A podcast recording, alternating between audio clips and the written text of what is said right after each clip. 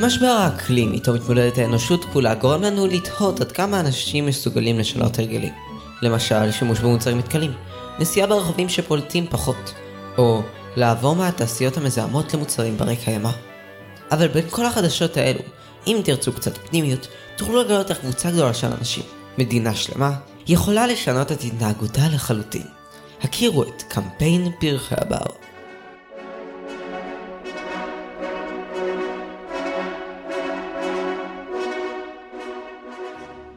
בשנות ה-50 קטיף פרחי הבר היה תחביב נפוץ במדינה. הם נחשבו לרכוש הכלל. בתי ספר היו מוציאים תלמידים ותלמידות לכתוב כלניות, רכבות ותורמוסים לשבת. קטיפות רבות אלו גרמו להידלדלות הפרחים בארץ, ולאף אחד לא אכפת מהקטיפות, כי זה היה מותר ונורמלי לגמרי לעשות את זה אז.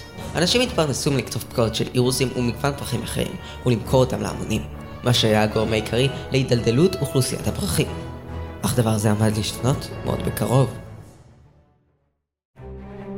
השלב הראשון שנעשה היה העברת חוק הגנים הלאומיים ושמורות הטבע ב-1964. חוק זה היה הראשון שאסר פגיעה בערכי טבע מוגנים, ואפילו פירט רשימה של מינים וצמחי בר הנכללים בהגדרה של ערכי טבע מוגנים. בעקבות חוק זה הוקמה גם רשות שמורות הטבע, שהייתה אמורה לפעול לאכיפתו. אך לא די היה בחקיקה ובאכיפה זו, שכן אנשים המשיכו לקטוף, גם בשמורות הטבע. דבר שהיום נראה לנו כלא הגיוני. אך לכמה אנשים היה משהו לומר בעניין.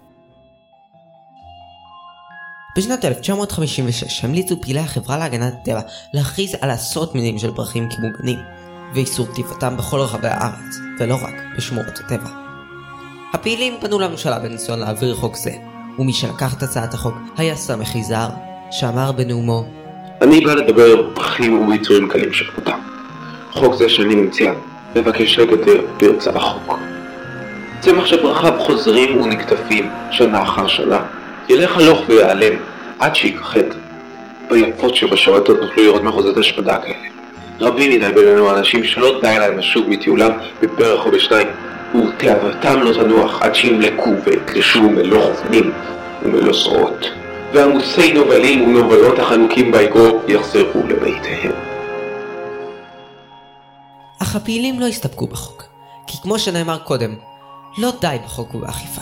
צריך לשנות את דעת הציבור. ובשל כך הפעילים יצאו בקמפיין. בכל מקום היו משתתפים בכיתוב צא לנוף, אך אל תקטוף, עם איורים צבעוניים של פרחי בר. בנוסף הפעילים השתמשו בתוכניות הרדיו, כדוגמת נוף ארצנו של עזריה אלון, ממייסדי החברה להגנת הטבע, כדי לנסות ולשנות את דעת הקהל. את ההשראה לשלטים הנ"ל קיבלו פעילים מעיריית חיפה. בעיר פעלה קבוצה של חובבי טבע, והם שכנעו את ראש העיר, אבא חושי, וכן זה שם אמיתי אתם יכולים לבדוק, לאשר חוק לשמירה על צמחי הבר בכרמל. הישג מבורך לאותה תקופה. בנוסף לחוק, הפיקה עיריית הכרזות הראשונות הקוראות לשמירת פרחים. ואפילו חברות גדולות התגייסו להגנת הפרחים. מפעל בלובנד ומגורות דגון בבעלות ראובן הכט מימנו את ההפקה של שתי הכרזות הראשונות בחיפה. על שתי כרזות אלו היו מיוצרים שלושה פרחי בר, ולמעלה נכתב שמרו על פרחי הכרמל, או אנא אל תקטפו אותנו. וכרזות אלו היו ההשראה של הפעילים בשביל הכרזות שלהם. אבל הגיבורים האמיתיים של המהפכה הזו היו המורים. המורים, אשר עד לא מזמן יצאו עם תלמידיהם לקטוף פרחים, הבינו את המסר והחלו ללמד אותו לתלמידיהם, אשר לימדו את הוריהם, וכך כל עם ישראל ידע, שצמחים מוגנים לא קוטפים.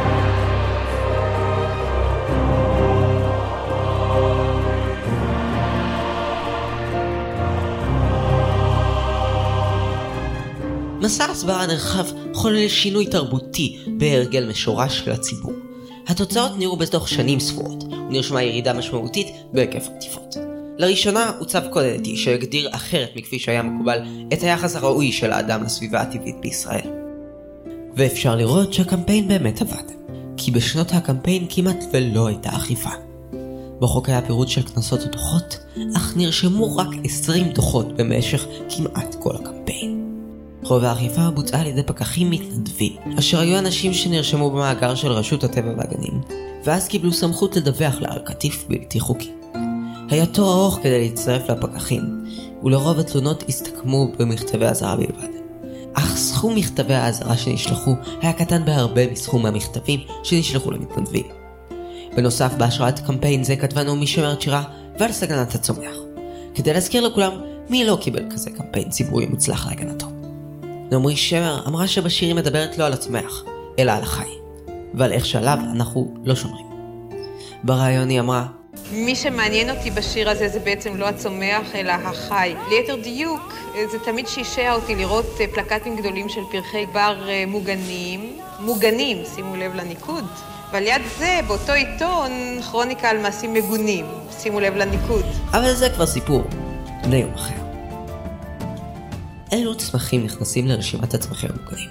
בעיקרון הרשימה מתחלקת לשלוש קבוצות, והן צמחים הכוללים פרחים אטרקטיביים, כלומר צמחים שבמעבר המטיילים רבו לכתופם בגלל יופייה, כגון הכלנית, הרכבת ועוד. צמחים אלו אינם נדירים, אך הכרזתם בעבר כצמחים מוגנים הצילה אותם מהכחדה מוחלטת. צמחי תבלין צמחים אלו נבחרו בגלל הקטיף האינטנסיבי התעשייתי עליהם, מה שהביא לצמצום אוכלוסייתם ברוב אזורי הארץ, ובחלקם הם אפילו נעלמו כליל. וקבוצה אחרונה, מיני צמחים נדירים. צמחים אלו מחולקים לצמחים החיים במספר קטן של אתרים, וצמחים מצויים בכמות קטנה באתרים רבים. חלקם הפכו נדירים בגלל הרס בתי גידולם, בגלל פעולות האדם, כמו בניית בתים או סלילת כבישים. אבל, זה הכל הפעם. אני מקווה שנהנתם להזין, ואולי גם למדתם משהו. אני מצטער שהפרקים לא יוצאים באופן קבוע, אני מנסה להפיק אותם הכי מהר שאני יכול. תודה רבה לכל מי שעזר לי בפרק הזה. אני הייתי שקד, ונתראה. בפרק הבא.